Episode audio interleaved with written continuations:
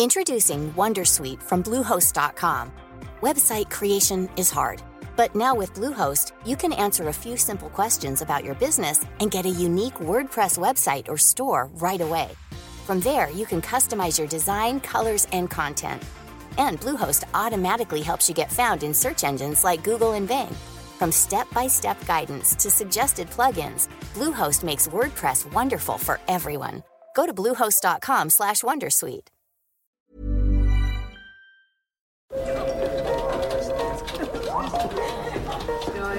Dette er lyden av norsk næringsliv. Akkurat nå tas det små og store valg som kan bli avgjørende for fremtiden. Med økonomisystemet X-Leger tas disse beslutningene basert på informasjon i sanntid, slik at drømmer og ambisjoner kan bli virkelighet. Få kontroll og oversikt, gå inn på xledger.no. Denne sendingen er sponset av Xleger.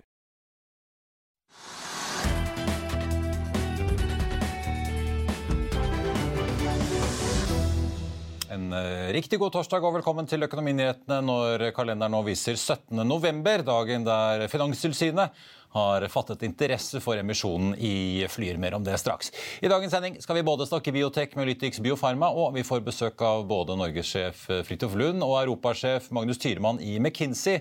Og De skal gi oss et innblikk i hva som er noen av de krevende problemstillingene bedrifter over hele verden nå diskuterer og forbereder seg på, i en tid der mange mener vi er på vei inn i en resesjon. På slutten av sendingen blir det også teknisk analyse av REC Silicon, som er en av de store taperne i dag. Men la oss begynne med å ta en titt på markedet akkurat nå. En relativt sur dag på børsen. I dag falt jo hovedindeksen en halv prosent. I dag fortsetter vi ned 1,3% og vi har sett indeksen faller jevnt og trutt nedover dagen, selv om vi har krøpet litt opp nå på tampen av børsdagen, så vi skal holde et øye med hvordan den ser ut til å ende. Rundt oss i Europa jevnt over også rødt på alle de store indeksene, med da DAX-indeksen i Tyskland ned 0,3 og det britiske markedet ned 0,7 og Paris CAC 40-indeksen ned nesten 1 Futures Wall Street peker også mot en nedgang etter at vi så et fall der på onsdag, ledet an av Nasdaq, som endte ned halvannen prosent, etterfulgt av SMP 500 ned 0,8 og Dow Jones ned 0,1. Ned peker også oljeprisen i dag. Nordsjøoljen er ned 0,8 i spotmarkedet til 91,90. Den amerikanske lettoljen 84,80 i øyeblikket. Og så får vi jo da nesten begynne med Flyr, der del én av fire deler i emisjonen på inntil 700 millioner kroner nå er gjennomført. Men runde én på 250 millioner og den tilhørende trykkingen av 25 milliarder aksjer skapte ganske spektakulære scener på Oslo Børs i dag, og det ropes nå om at det har foregått ulovlig udekket shorthandel. Ja, både Noreas Robert Ness og daytrader Sven Egil Larsen er blant dem som har vært ute og advart mot at det trolig har skjedd. Det handles før det er lov å handle. Det er som om Karsten Warholm fikk lov til å starte å løpe før konkurrentene, sier en annen investor til Finansavisen som ikke ønsker å bli navngitt. Og det var ganske ville tilstander på børsen før børsmeldingen kom om at de nye aksjene var registrert i formiddag.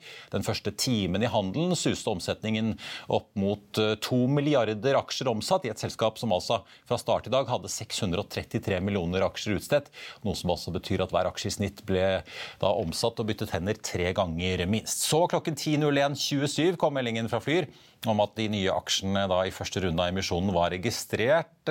Og da deiset aksjen, som hadde tradet på 1,1, 1,2 og 1,3 øre omtrent, ned under emisjonskursen på ett øre, og ligger nå på rundt 0,93 øre, får vi ha desimalene helt riktig her.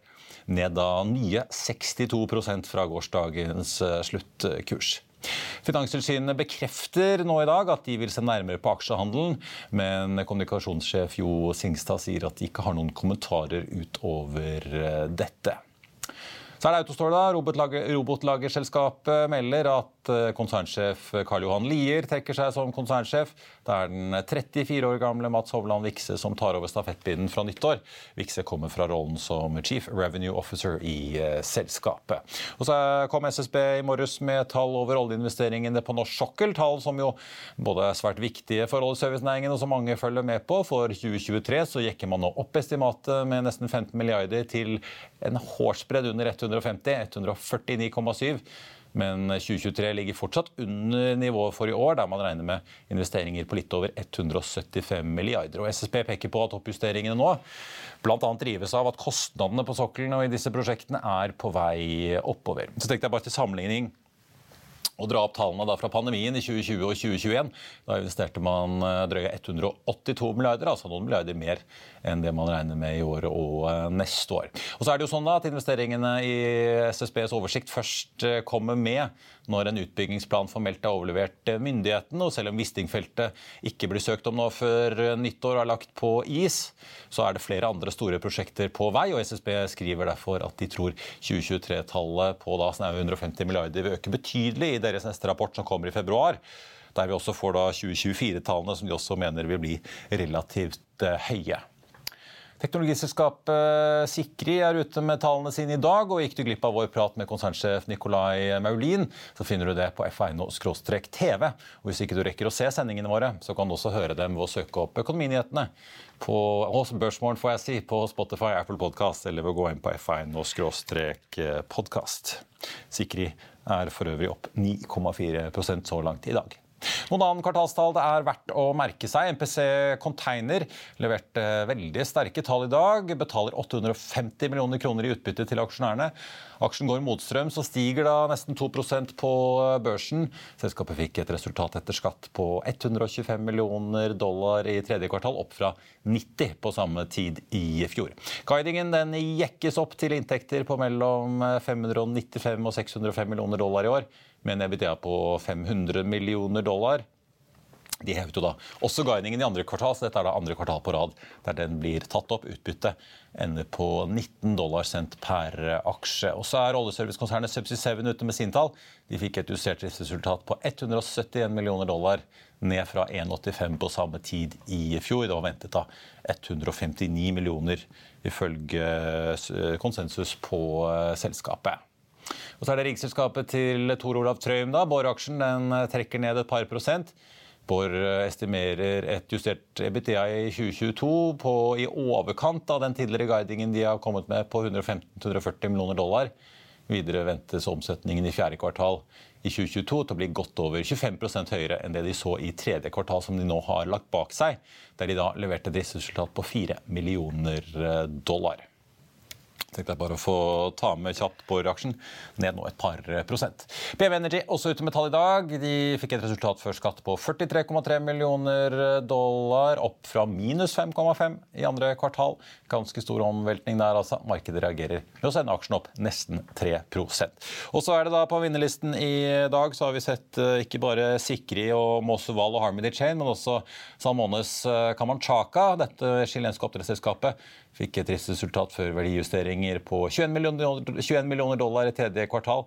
Og snudde dermed et minusresultat fra samme tid i fjor. Aksjen har vært oppe over 10 eh, i løpet av dagen. Og vi er straks tilbake med Lytix Biofarma rett etter dette. Bokhandlere i hele Norges land, wake up! Aksjer handler ikke bare om lommeboken men også om fremtiden og verden rundt oss.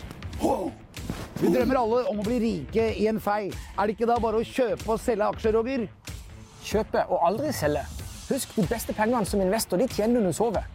Og hvis du, aksje, hvis du selger aksjene før du legger deg til å sove, ja, ja, så blir du ikke rik over tid. Det er min påstand. Aksjeskolen, levert av Finansavisen av Roger Berntsen og Alex Rosén.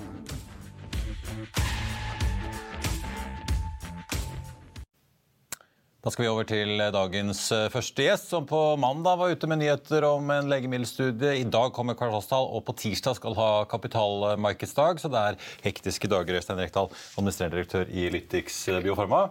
Velkommen. Tusen takk. Kanskje vi skal begynne med det. da. Du var jo her for et eh, snaut eh, år siden. Da skulle 2022 være året der pasienter skulle rekrutteres. Mm. På mandag meldte dere om at dere altså ekspanderer studien, denne Atlas-studien deres mm. til eh, Norge, Spania og Frankrike. Mm, ja, kan du gå gjennom litt hva dere egentlig annonserte på mandag? Ja, det, det, vi annonserer nå, er at vi ekspanderer til Europa. Vi åpner sites i Norge som har erfaring med vår teknologi fra før av. Eh, vi åpner i Frankrike og Spania, som har ekspertise i lokal behandling av tumorer. Og dette, spesialister på føflekkreft. kreftvaksine for de som ikke har fått med seg det? Det er en slags eh, ny form for kreftvaksine, ja. Så, og det gjør at vi nå er både i USA og eh, USA representert med, med vår teknologi ved anerkjente sykehus, og, som vi ser veldig positivt på. Og eh, vi, eh, vi har jo da startet rekruttering i USA, og nå kan vi øke rekrutteringen. og Målet er jo å bli ferdig med denne rekrutteringen tidlig i 2023. Og Samtidig så eh, annonserte vi jo eh, et ferdig studie, fase 2-studie i en annen type kreft, eh, sarkom, på ASKO, den verdens største kreftkonferanse, i sommer. Og vi har nå gjort ferdig den rapporten for det studiet. Så det er også en veldig spennende studie og, og retning. Og, og når vi da også har Verica, vår samarbeidspartner innen basal cellekarsinom, som er en type hudkreft, som kjører sitt studie i, i USA, så er det jo en ekstremt spennende fase vi er i nå, med, med fase 2-studier ferdig og, og pågående fase 2-studier i flere krefttyper. Ja, for som vi snakket om sist, Dere har jo egentlig flere, flere hester dere satser på. Det er ikke sånn at det er ett legemiddel som er hit or miss her. Det er jo Det er riktig. Vi har jo også flere som går bra eller dårlig, men likevel dere har flere kandidater Helt i riktig. pipeline her. Vi annonserer jo i dag på kvartalsrapporten at vi er i full gang med å forberede eh, fase 1-studiet i, i neste år med vår neste generasjonsmolekyl, som er veldig egnet for mer dyptsittende krefttyper som lever og andre organer som sitter dypt i kroppen. Ja, for nå I første runde har det vært uh, hudkreft. Det har vært hudkreft og mer sånn ja. overflatekreft som hode- halskreft, eh, brystkreft og føflekkreft spesielt, da, og, og sarkom. Så det gjør jo at vi har flere molekyler med flere store ulike markedspotensialer. da. USA er åpenbart et eh, kjempemarked, og Mm. FDA-godkjennelse er vel, eh, henger vel eh, høyt og gjevt for uh, bransjen. Men, uh, og dere er jo norske, så det er kanskje ikke rart at dere også har studier gående i Norge. Men hvorfor akkurat Frankrike og Spania av alle land? Ja, Først og fremst Norge, fordi at eh, Radiumhospitalet har erfaring med vår teknologi. Frankrike og Spania har solide erfaringer, De sykehusene vi har valgt, da, har solide erfaring innen dette med lokal behandling, som du kaller en, en vaksine, som er helt riktig. En helt unik måte å vekke immunsystemet mot uh, kreftsvulsten. Og der har vi topp ekspertise innen føflekkreft med oss, som samtidig er eksperter på hvordan man, man eh, går lokalt. Dette er ikke bare å ta en pille eller å injisere blodet, du må vite hvordan du behandler i i kreftsvulst. og Derfor har vi valgt de sitene vi har. Så vi er veldig fornøyd med å ha fått med oss ganske anerkjente sites innen området. Vi må snakke litt eh, om eh, tallene deres. Eh, ikke en stor omsetning ennå, i og med den fasen dere, altså utviklingsfasen dere er i. En hal- halvannen million kroner i lisensinntekter fra Verica Pharmaceuticals. Eh, selv om det er penger de har. Eh, men dere har jo da en 172 millioner kroner på bok, Ja. eh, ned fra rundt et par hundre ved nyttår. Ja. Hvor lenge holder det? Eh, Du er jo i en sektor som har fått ordentlig juling på børsen, eh, ikke bare i Norge, men, men globalt eh, Det- dette året med stigende renter. Så virker det ikke som for å satse på, på inntjening i biotek mange år frem i tid er så veldig høy. Men er det sånn at dere er nødt til å hente finansieringen nærmeste tiden? eller? Vi har ingen konkrete planer om å hente nye penger nå. Vi har godt med penger på bok, og vi er veldig fornøyd med det i denne tøffe tiden for alle innen biotek. Ikke bare i Norge, men også i utlandet. Så øh, vi har ingen konkrete planer med kapitalhenting. Vi har penger til å holde på videre. Så, men man kan, man kan jo ennå ikke annonsere om det vil skje ting som gjør at vi ser spennende muligheter og har behov for penger, men vi er veldig glad for at ikke vi trenger til kapital nå. Nei, nei? Du, er ikke, du er ikke i en posisjon hvor du må det. Og så er det vel sånn at dere også Sist du var her, sa du at eh, dere har en avtale med Verica som skal gi dere over tid av 100 millioner dollar i, eh, i kapitalinnsprøytning. Ja. På en måte er det jo synd at ikke man kan få så mye utbytte av det nå, men det kommer jo på sikt. Så, Ja. så, og at det at vi har kapital. Så jeg ser jo lyst på fremtiden også, Ja. med hensyn på det. At vi etter hvert får lisensinntekter. Og Det er greit å slippe å kjøre emisjoner i disse dager. Da tror jeg det har blitt en eh, saftig rabatt. Men du, på tirsdag skal dere ha kapital- og markedsdag eh, for å runde av denne hektiske sesongen. Ja. Kan du si litt om uh, hva investorer, analytikere og andre interesserte kan vente seg? Ja, det blir en veldig spennende dag. Vi skal invitere eksperter i, i feltet, bl.a. Uh, den som har vært delaktig i studiet i Danmark, med det studiet som er ferdig nå i, i, eh, i, i, med et fase 2-studie. Og så har vi med kanskje en av de fremste i verden på betydningen av lokal immunterapi, altså lokal behandling av svulster og vekking av immunsystemet, og hvordan det kan ha et potensial i kombinasjon med annen terapi. Så dette tror jeg vi investorene kan glede seg til å, å høre om. Og Samtidig så er vi jo veldig fornøyde med å presentere vår nye CBO, Chief Business Officer, Steve Worsley, som er lokalisert i USA, har lang erfaring med partnering-kontakt og gjort mange avtaler lisensavtaler. Så han er jo en spennende mann for selskapet å bli kjent med. Så nå har vi også fått den kommersielle biten på plass og begynner nå, mens vi venter på data, og forberede selskaper der ute med hva vi kommer med da. Øystein Rekdal i Lytix Bufoma, tusen takk for at du var eh, med oss. Vi er eh, straks tilbake med norgessjefen og europasjefen i McKinsey. La oss i Finansavisen hjelpe deg med å holde deg oppdatert på alt som skjer i finans og næringsliv. Hver morgen er jeg, Marius Lorentzen, og aksjekommentator Karl Johan Molnes på plass i studio for å ta tempen på dagens marked i Børsmorgen. På ettermiddagen oppsummerer vi alt du trenger å vite i økonominyhetene, og så får vi selvfølgelig besøk av masse interessante gjester. Du finner oss på fa.no-tv, eller ved å søke opp Børsmorgen og Økonominyhetene der du hører på podkast.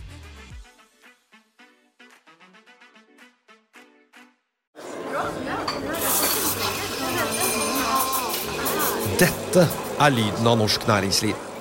Akkurat nå tas det små og store valg som kan bli avgjørende for fremtiden. Med økonomisystemet X-Leger tas disse beslutningene basert på informasjon i samtid, slik at drømmer og ambisjoner kan bli virkelighet. Få kontroll og oversikt, gå inn på xledger.no. Denne episoden er sponset av van Brun, en fremtredende smykkeforhandler kjent for sitt brede utvalg av forlovelsesringer, gifteringer og diamantsmykker som bæres og elskes i generasjoner. Et frieri er en av de største øyeblikkene i livet, hvor forlovelsesringen er et tidløst symbol på kjærligheten. Valg av ring krever omtanke for både hvilket metall og diamant, med et bredt spekter av både naturlige og labdyrkede diamanter, og metaller som platina, gult gull, hvitt gull og roségull, hjelper de deg med å sette et personlig preg på din kjærlighetshistorie. Van Brun vil gjerne invitere deg til å prøve på tre av dine favorittringer fra nettsiden helt kostnadsfritt. Du kan også låne et bredt spekter av frieriringer, slik at du og din forlovede kan velge en ring sammen etter det store ja. Van Brun tilbyr 90 dagers åpent kjøp og 90 dagers gratis størrelsesjustering. Utforsk deres eksklusive sortiment i luksuriøse omgivelser. Bok en konsultasjon sammen med en diamantekspert i deres showroom i Oslo. Eller online på vanbrun.com. V-a-n-b-r-u-u-n.com.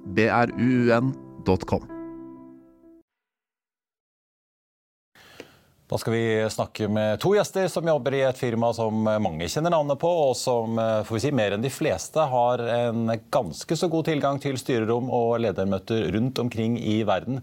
Og dermed også har fingeren på pulsen for hva som nå diskuteres, og hva man skal gjøre med 2023 som nå står foran oss. Velkommen til Fridtjof Lund, si, norgessjef i McKinsey, managing partner her, og Magnus Tyremann, managing partner for McKinsey Europa, på norgesbesøk. Jättetrevligt. Ja, velkommen. Takk skal du ha. Du, dere, eh, skal vi begynne litt med å snakke om eh, hva er det som liksom er top of mind i eh, konsernledermøter og styrerom nå? Vi har jo hatt en pandemi som endevendte virksomhetene for, og, og, tilværelsen for veldig mange selskaper. Mange opplevde at eh, salget deres på nett skjøt i været, og andre opplevde at prisene på oljen de eh, selger, gikk i gulvet. Eh, så har vi på en måte hatt den energikrisen. Veldig høy inflasjon. Eh, er det fortsatt det som på en måte er eh, de store bekymringene, eller begynner man å se mot nye utfordringer? Jeg tror at det fortsatt er veldig mye fokus på uh, det, de kortsiktige utfordringene som vi står innenfor. Uh, som du sier, inflasjon, uh, energikris. Det er for mange bransjer fortsatt store størninger i leveransekjeder osv. Så, videre. så äter upp mycket, eh, mycket tid i, i managementrum och styrelserum. Ehm, jag tror också att man börjar kanske titta på världen som helhet. Och, ehm, vi tror det finns mycket som tyder på att vi närmar oss slutet på en era kan du säga, som har varit eh, av väldigt fin tillväxt, veldig väldigt öppna globala marknader, global tillgång till, till teknologi, Kina som är stort draglok för den globala ekonomin och så vidare. Det finns väldigt mycket som tyder på att den eran kanske går mot sitt slut. Och oklart vad som väntar efter den här krisen som vi går igenom nu. Men att det blir som det var, det är nog ganska osannolikt. Och det gjør at eh, mange managementteam har ikke kanske the playbook eller, eller erfarenheterna for å, eh, för att leda i den miljön. Så det, det tror jag mye, mycket, mycket fokus på det også. En mer oppdelt uh, verden Fridtjof, på en måte. Vi ser jo i denne chip, datachip-bransjen. Ikke bare mangler vi mm. halvledere, men vi ser jo jammen med at amerikanerne bygger opp egne fabrikker i USA fordi vi ikke er så avhengig av Taiwan og hva Kina kan finne på ved siden av. Vi ser Europa vil bygge opp sin egen elbilbatteriindustri for å ikke være så avhengig av Kina. En litt sånn der, oppdeling. Ja, litt opptelling. Jeg tror også det er en liten opptelling, vi kan komme litt tilbake til. Men når vi snakker med, med management-team og med CEO-er i Norge så, og globalt, egentlig, så ser vi en del er veldig fokusert naturlig nok på det kortsiktige. Altså på eh, det litt mer defensive eh, si, aktivitetene man kan gjøre for å sikre balance sheet, for å sikre eh, kostnadskontroll i dagens situasjon. Og det, det er kanskje flertallet av, av de jeg snakker med. Og så ser vi noen som i tillegg til det eh, har et enda mer si, mulighetsorientert syn. De gjør også de mer defensive trekkene, men de fokuserer også på hva er det vi kan gjøre mer offensivt når det er mange kriser som treffer på én gang? Og En del av disse krisene forsterker jo også hverandre. Det forsterker underliggende trender rundt eh, både digitalisering og i og for seg bærekraft og energitransisjon. har jo bare blitt forsterket av de siste, de siste årene. Eh, og Da ser de på hvilke muligheter er det som byr seg i den volatiliteten som vi ser nå. Men girer liksom bedriftene seg nå for en resesjon? Du ser jo altså Mange av disse store såkalte fangstselskapene driver jo jo nå inn, har satt i gang ganske store nedbemanningsprosesser. Mm. Amazon er vel 10 000. Facebook eh, altså Meta, eh, Facebook er Meta har jo satt i gang sitt første nedbemanning i historien. Det virker jo som mange investorer har ikke den samme tålmodigheten med disse bolagene for at eh, det kommer tilvekst en gang i fremtiden, og begynner nå å se på hva slags kostnader de på en måte påløper seg. Er det en bredere trend enn bare disse store tech-lokomotivene? Ja, det er det absolut. Jeg tror at eh, de fleste ser over sine kostnadsstrukturer og funderer på hvordan de skal se til at de har, de har buffert att också investera offensivt. Techbolag og bolag som har mye av sine intäkter og vinster i framtiden, blir ju såklart extra påverkade av en räntehöjning. För om man varit van vid närmast eh, nollränta så då spelar det nästan ingen roll när pengarna kommer, men nu spelar det stor roll.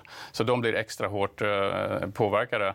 Det är intressant. Vi har gjort en hel del eh, studier på hur bolag hanterar og kommer ut ur kris, eh, kriser, lavkonjunkturer lågkonjunkturer andre kriser. Og det finnes alltid et, et subsett av bolag som kommer ut snabbare og starkare. Och tittar man på hva de gjør, så finnes det en del kjennetegn. De, de, de korrigerer sin kostnadsbas snabbare og ofte djupare. De stärker sine balansräkningar så att de har råd att fortsätta att investera i forskning och utveckling. Det är det sista man vill, eh, vill dra ner på. Eh, och de har också då råd att eh, ta vara på de tillfällena som bjuds. Det finns alltid spännande företagsförvärv att göra när krisen börjar lätta och så vidare. Så att om man om man städar lite grann och ser till att man är väl rustad så har man väldigt stora möjligheter. Det finns ett, ett citat som jag gillar från gamla Formel 1-föraren Ayrton Senna. Han sa att, någon gång att att man kan inte köra om 15 bilar en solig dag, men du kan göra det när det regnar. Mm. Och det, det, ligger någonting i det. Att det, det, är när det är den här typen av osäkerhet, stora svängningar, då kan du också göra mycket bra affärer om du är rustad. Men är det så att många förbereder sig på en recession? Jag tror att många förbereder sig på att man inte riktigt vet. Ja. Uh, och, och, det är lite the old saying, alltså, hope for the, best, prepare, bedre, hope, hope, for the best, prepare for the worst. Så att, uh, jag, jag, tror inte det är många som uh, skulle vilja satsa allt på att det inte blir en recession. Uh, sen så måste man vara snabbfotad och agil och, och, och, vara beredd på att satsa när man ska göra det. Men jag tror att alla är förberedda på att det kan bli ett antal år som blir, blir mycket tuffare än vad vi har varit vana vid. Fridtjof, er vel eh, det vi på godt norsk kaller skippertak. Altså at man eh, heller klarer å hele tiden tweake litt på kostnadene sine og passe på, på måte, den daglige driften fremfor at eh, det kommer på en måte til at man må ta disse store skippertakene på både balansen og kostnadene sine. At det er de bedriftene som vinner frem, som evner liksom å gjøre de kontinuerlige ja, justeringene? Du kan, kan si, vi, vi, ser vel egentlig begge deler. og Den forskningen som Magnus eh, refererer til, den viser jo at uh, faktisk disse vi kaller, uh, kaller de resilience, altså de som er egentlig øverste kvartil motstandsdyktige i, i resesjoner eller i kriser, de inn i krisen så var ikke de nødvendigvis bedre stilt enn konkurrentene, men de tok valg i krisen, særlig hvor de faktisk tok enda hva skal si, modigere beslutninger på kostsiden. Så om man kaller det skippertak eller hva skal si, det å ta i nok når det kreves, vil jeg kanskje, kanskje heller sagt. For jeg tror mange har et kontinuerlig skal si, kontinuerlig eh, ser på dette. Men jeg tror én ting som, som er eh, viktig, er jo det å bruke nok tid. Og det er kanskje særlig der vi ser de motstandsdyktige har vært eh, gode, da, eller ekstra gode. Å bruke nok tid på å virkelig forstå innsikten. Eh, altså Å kunne forstå hva eh, skjer ved en resesjon. Altså både forstå hva er sannsynligheten, det å litt, ha litt mer innsikt mm. enn andre til å kunne forstå når det i så fall treffer, og så har tenkt dypt nok, altså rett og slett granulært nok på hva blir implikasjonene, og kunne begynne å forberede for seg på det så de, for din ja. egen bedrift. Så de har rett og slett de har litt sånn bedre eh, sanseapparat, kan du si, og så har de eh, litt bedre evne til å oversette de signalene de får der ute litt raskere og til å fatte litt bedre beslutninger på hva er det de da må gjøre for å posisjonere seg eller for å reallokere ressurser, og både menneskelige ressurser og kapital, for å kunne tilpasse seg til endrede omstendigheter. Ja, de rett og slett har, Konsernledelsen har et eh, på en måte tettere kontaktnett med selgerne ute i ulike divisjoner som på en måte kjappere kan si at oi, oi, nå ser vi at her begynner å bremse opp, eller Det kan være selgerne, det kan være andre stakeholdere. altså Det å snakke enda nærmere med kundene, ja. det å snakke med ulike ulike. Altså, vi sier at det er viktig, Jeg kom rett fra et eh, foredrag i dag morges om, om, betydningen av mangfold inn i denne settingen. og blir, Vi ser at det blir enda viktigere egentlig for å sørge for at du får signaler fra en bred nok eh, gruppe av interessenter, eh, og at du også vi vet jo også at mangfold styrker beslutningsgangen. altså Du tar bedre beslutninger med økt mangfold og flere ulike perspektiver inn i denne gruppen som fatter beslutningen. Så det blir jo enda viktigere også i denne settingen. Men dere, si litt om det, Magnus, du var inne på det, altså Noe av det siste man bør eller vil kutte, er jo forskning og utvikling. Si litt om de avveiningene som tross alt uh, mange konsernledelser og styrer står i nå. Da, fordi du, altså Vi så inflasjonstallene fra Storbritannia i går. liksom Over 11% Det er jo I et stort bedrift da, så begynner man, og det ser vi jo i mange regnskaper nå, at uh, du ser kostnadene på en måte trykke seg oppover, oppover, oppover. Marginen er under ganske kraftig press. Mm. Skal du ut i markedet og finansiere deg, så møter du plutselig en rente som er noe helt annet enn hva du møtte for uh, halvannet år siden. Så nye prosjekter er kanskje ikke så lønnsomme som de var uh, bare for et år siden i, kalkylene. Si litt om hvilke avveininger og hva bedrifter eventuelt sliter med å klare å prioritere. Det, är, det, blir ju en fråga om prioriteringar, helt klart. Men uh, om man tänker... Alltså en sak som företag generellt har svårt för uh, jämfört med marknaden kan man säga, så är det att kliva ur saker. Mm. Uh, och när vi pratar om att reducera kostnader så pratar vi, vi pratar också om att stärka din balansräkning. Ett sätt att göra det, det är, att, det är att sälja verksamheter eller kliva ur saker och göra det i tid. Mm. Därför att man har lite tidigare insikt och agerar lite mer beslutsamt. Och en väldigt stor nyckel till att uh, ha ett, ett företag som presterar väl under lång tid det är att vara i branscher och i segment som växer och, och, och, och skapar de förutsättningarna. Och, det, det genomsnittliga bolaget har nog typiskt sett lite för mycket emotionell Eh, connection till, till alla delar av bolaget. Och att stänga ner någonting eller avyttra eller avveckla mm. är väldigt svårt. Och det, det ser man... Det ligger liksom i kulturen och i ryggmargen i Nej, det är svårt. Det är människor och det är chefer som har byggt upp någonting och så vidare. Och det är, där som, det är därför som om du tittar över väldigt lång tid så är det väldigt svårt för enskilda bolag när det gäller värdeskapande att slå marknaden. Mm. Därför marknaden är lite mer hänsynslös kan man säga. Den är, den är bättre på att flytta resurser. Tittar du på de bolagen som, är, som presterar bäst över tid så är de mycket bättre än det genomsnittliga bolaget att omallokera resurser, vare sig det är kapital eller, mm. eller mänskligt kapital. Um, och tittar du i det genomsnittliga bolaget så är budgeten ganska ofta för en division eller för en del, den är förra året plus minus 5-10 istället för att säga, vet du vad, här tar vi 20 Tror vi fundamentalt ja. mycket mer på det här mm. nu, då ska vi flytta ordentligt och vi kanske ska stänga ner, vi kanske ska skära ner ordentligt. Så det är någonting som jag tror man ska fundera väldigt noga på i såna här tider. Møter dere det mye når dere møter med kunder? og så foreslår dere ja, kanskje dere skulle tatt den divisjonen der og latt den seile, liksom, og så møter dere litt sånn mm, Nei, men jeg tror Det er jo noe av vår rolle. og Vi bruker mye tid både på å diskutere det internt og veldig mye tid ut mot, uh, mot våre klienter. Er jo på akkurat utfordre. Det tror jeg er en av hva skal jeg si, Fordelen med å ha inn eksterne da, med eksterne synspunkter det er å kunne utfordre litt av akkurat den dynamikken hvor man gjerne vil beholde. Man har på en måte investert mye tid og krefter i, uh, i ulike deler av virksomheten. Og kunne få et litt objektivt syn, gitt ny kontekst, gitt hva som faktisk kommer til å, å treffe oss uh, fremover, bør vi gjøre en enda mer aktiv ressursreallokering da, eh, fremover. Så vi møter jo akkurat den typen diskusjoner, bruker vi eh, en del tid på. Og det å, å sørge for et godt beslutningsgrunnlag for å faktisk kunne fatte enda si, modigere beslutninger eh, enn det man kanskje ellers ville gjort. Hva ser du av de, for du har jo snakket mye om det der, de som klarer å satse motsyklisk, lykkes ofte bedre på vei da ut. Hva er det du selv ser Fridtjof, som liksom kjennetegner de som faktisk klarer det? Er det at eh, ja, de, de, får liksom alliert seg med styrere og eiere og ansatte til å nettopp kanskje si farvel til en satsing eller en divisjon, eller er det noen andre kjennetegn? Ja, jeg, jeg tror, altså Noen av kjennetegnene nevnte jo Magnus, og det er på hva de faktisk gjør. Altså Vi ser de som hva skal jeg si, leverer enda bedre, eller som skaper større verdier ut fra kriser. De investerer enda mer i teknologi, de investerer enda mer i eh, rett og slett altså fusjoner og oppkjøp. Eh, og det å gjøre, For det er jo igjen det som vil drive posisjoneringen innenfor ulike industrier. Og så ser vi vel kanskje det er tre hva skal si, eh, spesielle eh, aspekter. Det ene er innsikt, som vi snakket om. Altså De som faktisk klarer å gjøre dette, de har en liten, hva skal si, har klart å skape seg en konkurransefordel på å ha hakket bedre innsikt og hakket dypere. Og de får den enda litt raskere. Og så er de bedre til å fatte beslutninger raskere rett og slett, og litt tøffere beslutninger på om man skal gjøre altså exit et forretningsområde som man har investert mye. De vil kanskje fatte de i snitt eh, raskere eh, enn andre. Og så ser vi det tredje aspektet eh, er på en måte evne til å faktisk gjennomføre. Hvis man skal se på kostnaden, da de vil være enda bedre og raskere og mer strukturerte i gjennomføringen av en del av de initiativene. Både på kost, men også på vekst eller på den ressursreallokeringen. Det er interessant. Du var jo nylig intervjuet i Dagens Industri Eh, Magnus, hvor du på en måte eh, snakker om analyser dere har gjort, hvor man nå ser at måtte, Europa havner litt bak Kina og USA. Vi er veldig gode på bærekraft, som du sier, men uh, på vekst og lønnsomhet er en del parametere hvor vi sakker akterut. Og for, for Norge er jo det viktig etter hvert som vi skal begynne å finne på noe annet enn bare olje og gass i dette landet. Ja. det verker rekke langt i og for seg. Ja, så der har jo dere svenskene kanskje et lite forsprang på oss.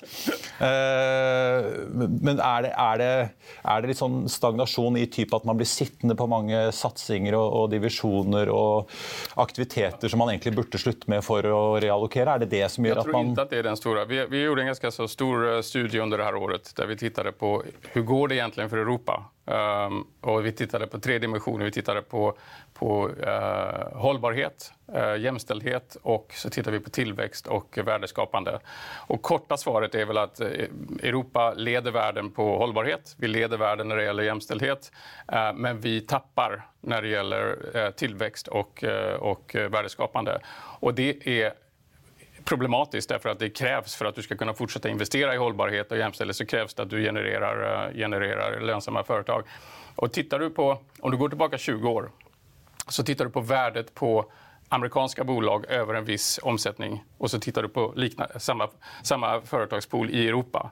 För 20 år sedan så var de bolagen värda nästan exakt lika mycket. Mm. Idag, 20 år senare, så är de amerikanska bolagen, rensat för, för, för, för valutaförändringar, så är de amerikanska bolagen värda nästan 2,5-2,3 gånger så mycket som de europeiska. Tittar du de sista fem åren så växer sammantaget amerikanska bolag 40% fortare än europeiska bolag. De är 20 mer lönsamma och de investerar 40% mer i R&D. Och historiskt har vi kanske förklarat det med att ja, men de har Google och de har Netflix och de har, de har Meta och så vidare. Problemet är att det kanske förklarar det i backspegeln. Men tittar du framåt så ser vi att teknologi är överallt nu. Mm. Så istället för att titta bara på branscher och titta på techbranschen så tittade vi på tio vad vi kallar transversala teknologier. Och det är saker som cloud, future of connectivity, det är, det är kvantteknologi, det är applicerad AI, eh, robotisering, automatisering, green tech, eh, biorevolution. Och så tittar vi på alla de här teknologierna, så tittar vi på tillverk, eller vi tittar på innovation, varifrån kommer patenten och, och, och uppfinningarna? Var görs saker och i vilken grad appliceras de i industrin? Och tittar du på det på det viset, då ser du att Europa ligger efter på 8 av 10 teknologiområden. Vi leder bara på ett och det är Future of Materials, vilket är bra för vi har en stor industribas. Men vi har tappat vad som var en stor ledning på Green Tech och idag ligger vi kan man säga lika med, med USA på det. Och det här är kanske inte en stor, ett stort problem idag därför att vi har ett förhållandevis bra eh, väl, välfärd och välstånd i Europa. Men om de här trenderna fortsätter i 20 år till och vi har 6% av världens befolkning så finns det risk att vi har ett väldigt annorlunda Europa. Så jag, jag tycker att det här är lite Eh, it's a, it's a, bit of a crisis in slow motion, som vi skriver i rapporten. Og noe av forklaringen ligger kanskje i R&D-spenning? En stor, en stor skillnad, I og med at dette er drivet av hvor ligger vi på, på teknologiområden, mm. Eh, så er det absolutt så at det handler om forskning og utvikling. Og kommersialiseringen etterpå. Og kommersialisering etterpå. Magnus Tyremann og Fridtjof Lund i McKinsey, takk for at dere kom, og fortsatt god norgestur. Noen eh, nyheter på tampen av sendingen som har kommet i løpet av eh, dagen. Havila Kystruten melder om at de har fått eh, medhold på flere punkter i en sak i Møre og Romsdal tingrett mot Norwegian Marine Interior, men at de fortsatt må ut med 3,1 millioner kroner i erstatning. Havila påpeker at dette er langt mindre enn kravet som motparten først kom med, som altså var 15 millioner kroner. Og de to krangler da om leveranser som er gjort til disse skipene til Havila Kystruten, og den aksjen ligger for foreløpig uendret i eh, dag. Så gratulerer vi Lindesnes med dagen, for GE Healthcare melder nemlig at de investerer 800 millioner kroner i anlegget sitt eh, der nede for å øke produksjonen av kontrastvæske med 30% i et marked med stigende etterspørsel. Dette er jo da væsker som brukes eh, i CT og røntgenbehandling. GE Healthcare har jo også et anlegg på Storo i Oslo og er faktisk Norges største farmasøytiske fabrikk. Og en liten fun fact som selskapet selv påpeker i eh, pressemeldingen, er at GE Healthcare alene står for ca. 2% av all norsk fastlandseksport. Så smak på den, alle som lager quizer på pub på fredagskveld. Noen andre som nok jubler i dag, er Kongsberg Gruppens forsvarsdivisjon Kongsberg Defence and Aerospace. De har nemlig sikret seg en kontrakt på 900 millioner kroner med Lockheed Martin for å være med på leveransen av åtte stykk TPY 4-radarer som da brukes til luftovervåkning, og de skal leveres til Norge. Kongsberg Gruppen skal både levere utstyr og programvare, samt stå for sammenstillingen av radarene på norsk jord. og Ifølge Kongsberg Gruppen så er Norge det første Nato-landet etter USA som tar i bruk radarsystemet som kobles opp mot luftvernsystemer. Det var i 2018 at Kongsberg Gruppen kom inn som partner for leveranser av radarsystemet utenfor eh, USA. og Kongsberg Gruppen og Lockheed Martin har jo et bredt samarbeid på mange fronter, inkludert da kampflyet F-35. og Kongsberg-aksjen den er ned en snau prosent så langt i dag på Oslo eh, Børs. Ellers er det verdt å få med seg Okea ned nesten 6 i dag. De kom jo i tillegg eh, eller får vi si, De kom jo da med melding om at de kutter guidingen sin etter da problemer som er avdekket på Nova-feltet, som, da, eh, som da var et av feltene som de fikk eierandeler i etter denne avtalen med Wintershall Dea, der de også overtok Brage-feltet. I tillegg så kom det melding i går om at Neptun, operatøren på dette Calypso-prospektet, har gjort et funn som vi foreløpig ikke vet hvor stort er, like ved Draugen-feltet. Også verdt å merke seg Rex Silicon ned 6,3 til i dag. Sparebank Markets har jo vært ute og kuttet kursmål der fra 24 til 14 kroner etter kvartalsrapporten som kom i går, tar de ned til, altså fra en hold-anbefaling til en selg-anbefaling. Og denne aksjen ligger nå på 16,97 på Oslo Børs. Ellers så har vi jo da Sikri Holding opp fortsatt nesten 10 Bård Drilling faller ja, drøye 2 etter sin kvartalsrapport. Det samme gjør eller i hvert fall har gjort Subsea 7, så nå ser jeg faktisk opp halvannen prosent. Lytix Biofarma ned 7% i dag på deres kvartalsrapport. Og så får vi også ta med da Flyr, hvor Finanstilsynet nå er eh, inne og gransker hva som egentlig skjedde mellom eh, klokken ni da børsen åpnet i morges og 10.01, da meldingen om at eh, disse nye emisjonsaksjene hadde blitt registrert i Brønnøysund. Da ble det jo omsatt Vi så i hvert fall 2 milliarder aksjertallet på børsterminalene, før det da kom inn 25 milliarder aksjer til på toppen av de 633 millionene som allerede lå i Flyr. Flyr ligger nå trader på 0,91 øre omtrent. med et, eh, en emisjonskurs på ett øre aksjen. Det er da, kursen nå er 62 ned fra sluttkursen i går. Hovedveksten den ligger ned nå 1,2% med en oljepris som også er fallende 1,3% til 91 dollar og 40 cent i spotmarkedet for å få nordsjøolje. Den amerikanske lettoljen på 83,65. Vi så i går at den lå og snuste på en 85 dollar fatet, så vi er da ned en drøy dollar der. Ellers på listen over de mest omsatte aksjene så er det rødt hele veien ned med Equinor, Exilikin og Elkem bl.a. Idex og Aker BP helt til vi kommer til Movi som er så vidt pluss. Yara Samar også ned. Og så har MPC Container som stiger en prosent etter sin kvartalsrapport, de også. I Finansavisen i morgen så kan du lese Trygve Egnars leder om et gøyalt skattehull. Sparebank1 Markets kan du også lese mer om, og deres analyse av X-Silicon de tror jo da nedturen fortsetter. Så blir det mer om den nye vendingen i Doff-dramaet, der en gruppe aksjonærer nå vil kaste styret etter at redningsplanen da ikke ble vedtatt på den ekstraordinære generalforsamlingen her i forrige uke. Så kan du også lese at Folketrygdfondet nå avvikler statens obligasjonsfond, som ble opprettet under koronakrisen av daværende finansminister Jan Tore Sanner, men som viste seg å bli lite brukt. Det skulle jo da bidra med lån i obligasjonsmarkedet til norske bedrifter, gitt at det så ut som da obligasjonsmarkedet var i ferd med å tørke helt opp. Og Da er vi ved slutten av denne sendingen. I morgen er det fredag, så da er vi på luften igjen her med Økonominyhetene klokken 13.30. Før den tid så er det Børsmorgen 08.55, der vi får besøk av aksjesjef Leif Eriksrød i Alfred Berg. Før den tid så får du siste nytt på FA1 og gjennom hele døgnet. Mitt navn er Marius Lorentzen. Takk for at du så eller hørte på, og så ses vi igjen i morgen.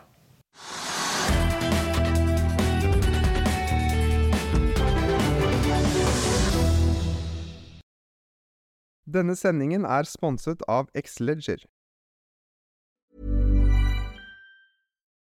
Join us today during the Jeep Celebration event. Right now, get 20% below MSRP for an average of 15178 under MSRP on the purchase of a 2023 Jeep Grand Cherokee Overland 4xE or Summit 4xE. Not compatible with lease offers or with any other consumer incentive offers. 15,178 average based on 20% below average MSRP from all 2023 Grand Cherokee Overland 4xE and Summit 4xE models in dealer stock. Residency restrictions apply. Take retail delivery from dealer stock by 4 1. Jeep is a registered trademark. Økonominyhetene er en podkast og videoproduksjon fra Finansavisen. Programleder er Marius Lorentzen. Aksjekommentator er Karl Johan Molnes. Produsent er Bashar Johar. Podkast- og videoansvarlig er Marius Mørk Larsen. Og ansvarlig redaktør er Trygve Hegnar.